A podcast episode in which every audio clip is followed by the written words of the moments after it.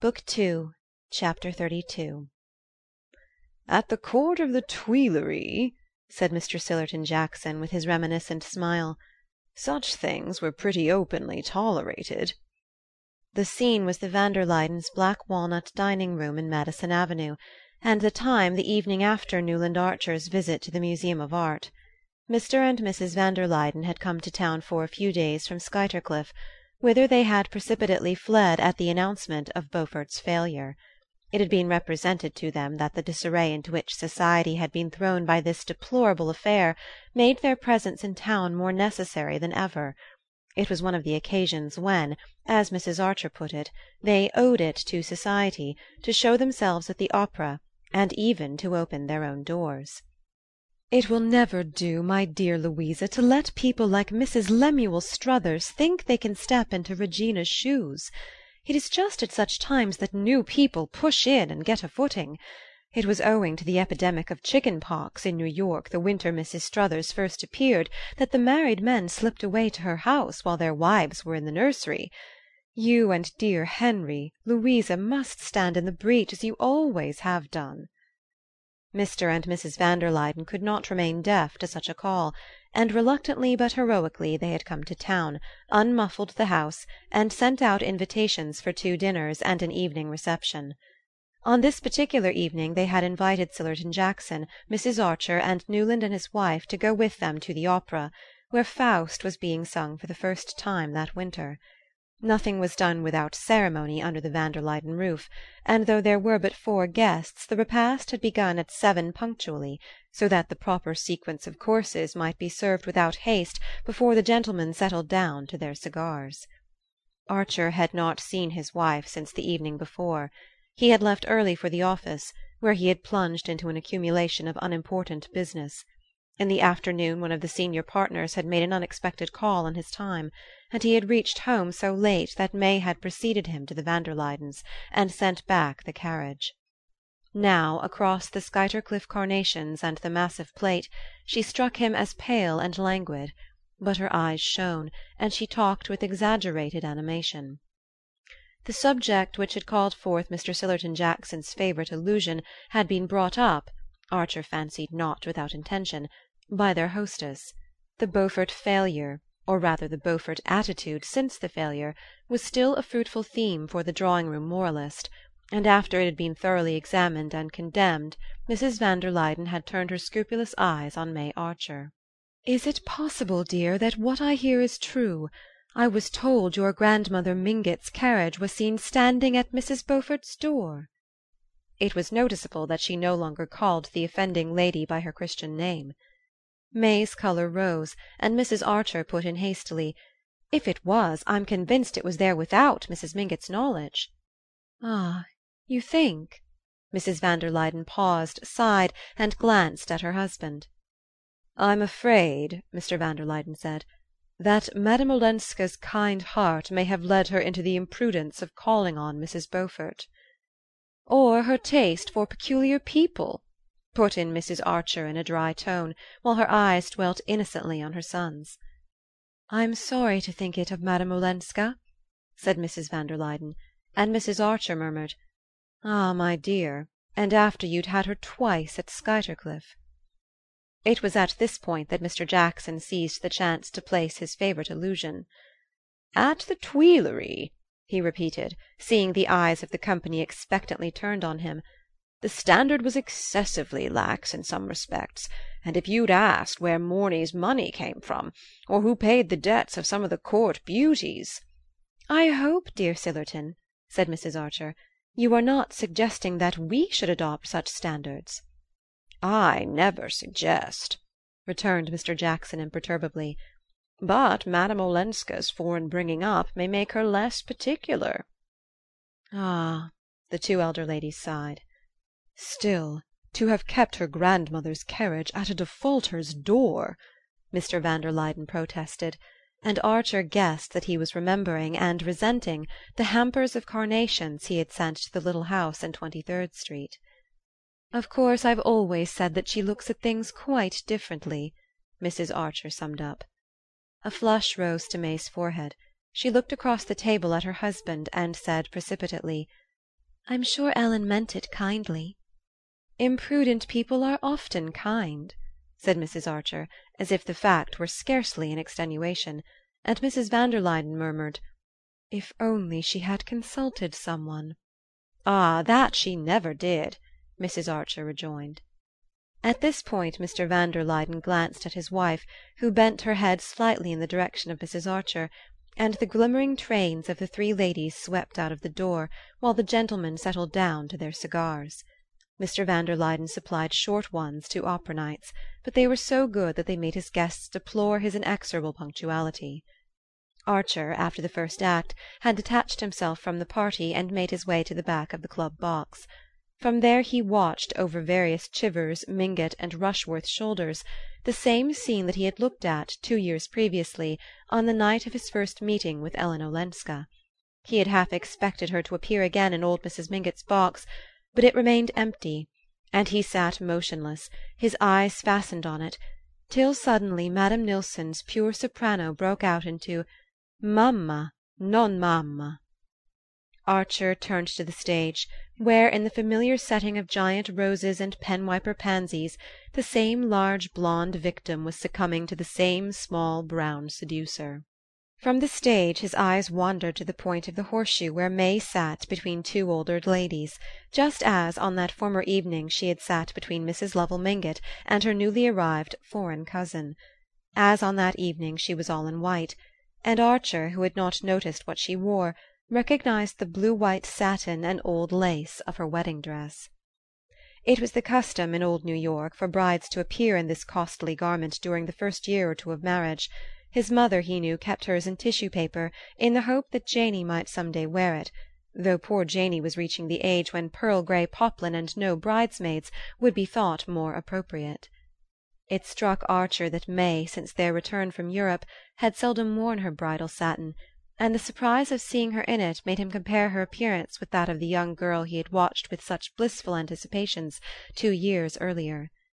Though May's outline was slightly heavier, as her goddess like build had foretold, her athletic erectness of carriage, and the girlish transparency of her expression, remained unchanged; but for the slight languor that Archer had lately noticed in her she would have been the exact image of the girl playing with the bouquet of lilies of the valley on her betrothal evening. The fact seemed an additional appeal to his pity; such innocence was as moving as the trustful clasp of a child. Then he remembered the passionate generosity latent under that incurious calm. He recalled her glance of understanding when he had urged that their engagement should be announced at the Beaufort ball. He heard the voice in which she had said, in the Mission garden: "I couldn't have my happiness made out of a wrong a wrong to some one else and an uncontrollable longing seized him to tell her the truth, to throw himself on her generosity, and ask for the freedom he had once refused. Newland Archer was a quiet and self controlled young man. Conformity to the discipline of a small society had become almost his second nature. It was deeply distasteful to him to do anything melodramatic and conspicuous, anything Mr. van der Luyden would have deprecated, and the club box condemned as bad form but he had become suddenly unconscious of the club box, of Mr. van der Luyden, of all that had so long enclosed him in the warm shelter of habit. He walked along the semicircular passage at the back of the house, and opened the door of Mrs. van der Luyden's box as if it had been a gate into the unknown. "M'ama!"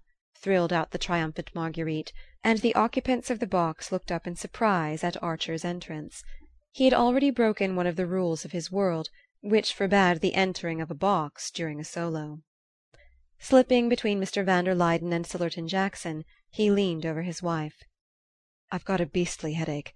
Don't tell any one, but come home, won't you?" he whispered.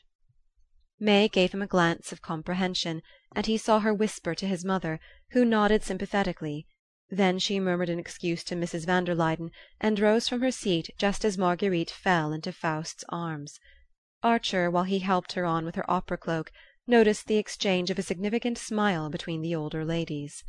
As they drove away May laid her hand shyly on his. "I'm so sorry you don't feel well. I'm afraid they've been overworking you again at the office." "No, it's not that. Do you mind if I open the window?" he returned confusedly, letting down the pane on his side. He sat staring out into the street, feeling his wife beside him as a silent watchful interrogation, and keeping his eyes steadily fixed on the passing houses. At their door she caught her skirt in the step of the carriage and fell against him. "Did you hurt yourself?" He asked, steadying her with his arm. "No; but my poor dress see how I've torn it!" she exclaimed. She bent to gather up a mud stained breadth, and followed him up the steps into the hall. The servants had not expected them so early, and there was only a glimmer of gas on the upper landing. Archer mounted the stairs, turned up the light, and put a match to the brackets on each side of the library mantelpiece. The curtains were drawn, and the warm friendly aspect of the room smote him like that of a familiar face met during an unavowable errand. He noticed that his wife was very pale, and asked if he should get her some brandy. "Oh, no!" she exclaimed with a momentary flush as she took off her cloak. "But hadn't you better go to bed at once?" she added, as he opened a silver box on the table and took out a cigarette. Archer threw down the cigarette and walked to his usual place by the fire. "No, my head is not as bad as that." He paused. "And there's something I want to say something important that I must tell you at once." She had dropped into an arm chair and raised her head as he spoke. "Yes, dear," she rejoined, so gently that he wondered at the lack of wonder with which she received this preamble. "May," he began, standing a few feet from her chair and looking over at her as if the slight distance between them were an unbridgeable abyss.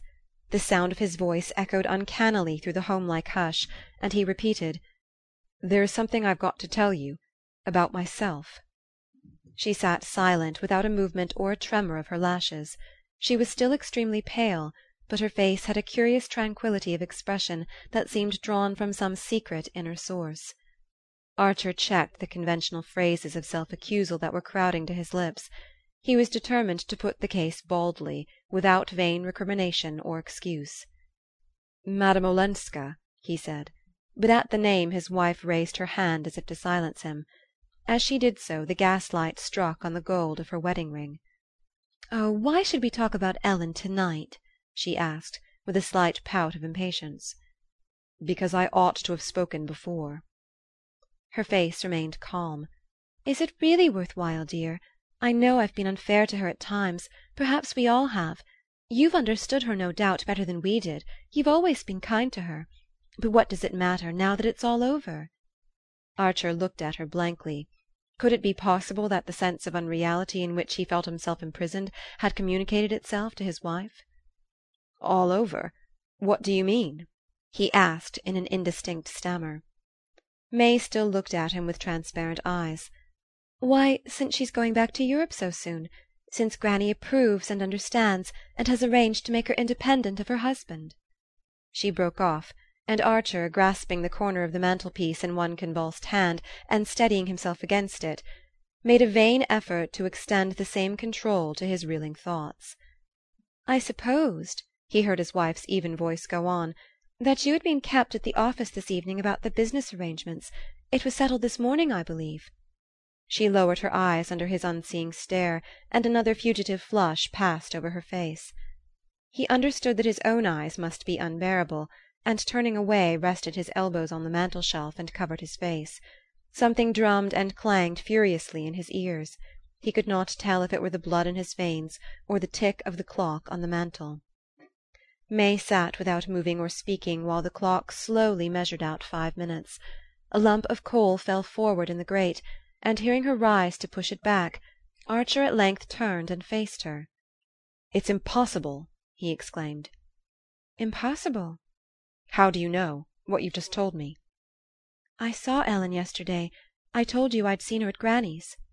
"It wasn't then that she told you?" "No. I had a note from her this afternoon. Do you want to see it?" He could not find his voice, and she went out of the room and came back almost immediately. "I thought you knew," she said simply. She laid a sheet of paper on the table, and Archer put out his hand and took it up. The letter contained only a few lines. "May, dear. I have at last made granny understand that my visit to her could be no more than a visit, and she has been as kind and generous as ever. She sees now that if I return to Europe I must live by myself, or rather with poor Aunt Medora who is coming with me. I am hurrying back to Washington to pack up, and we sail next week.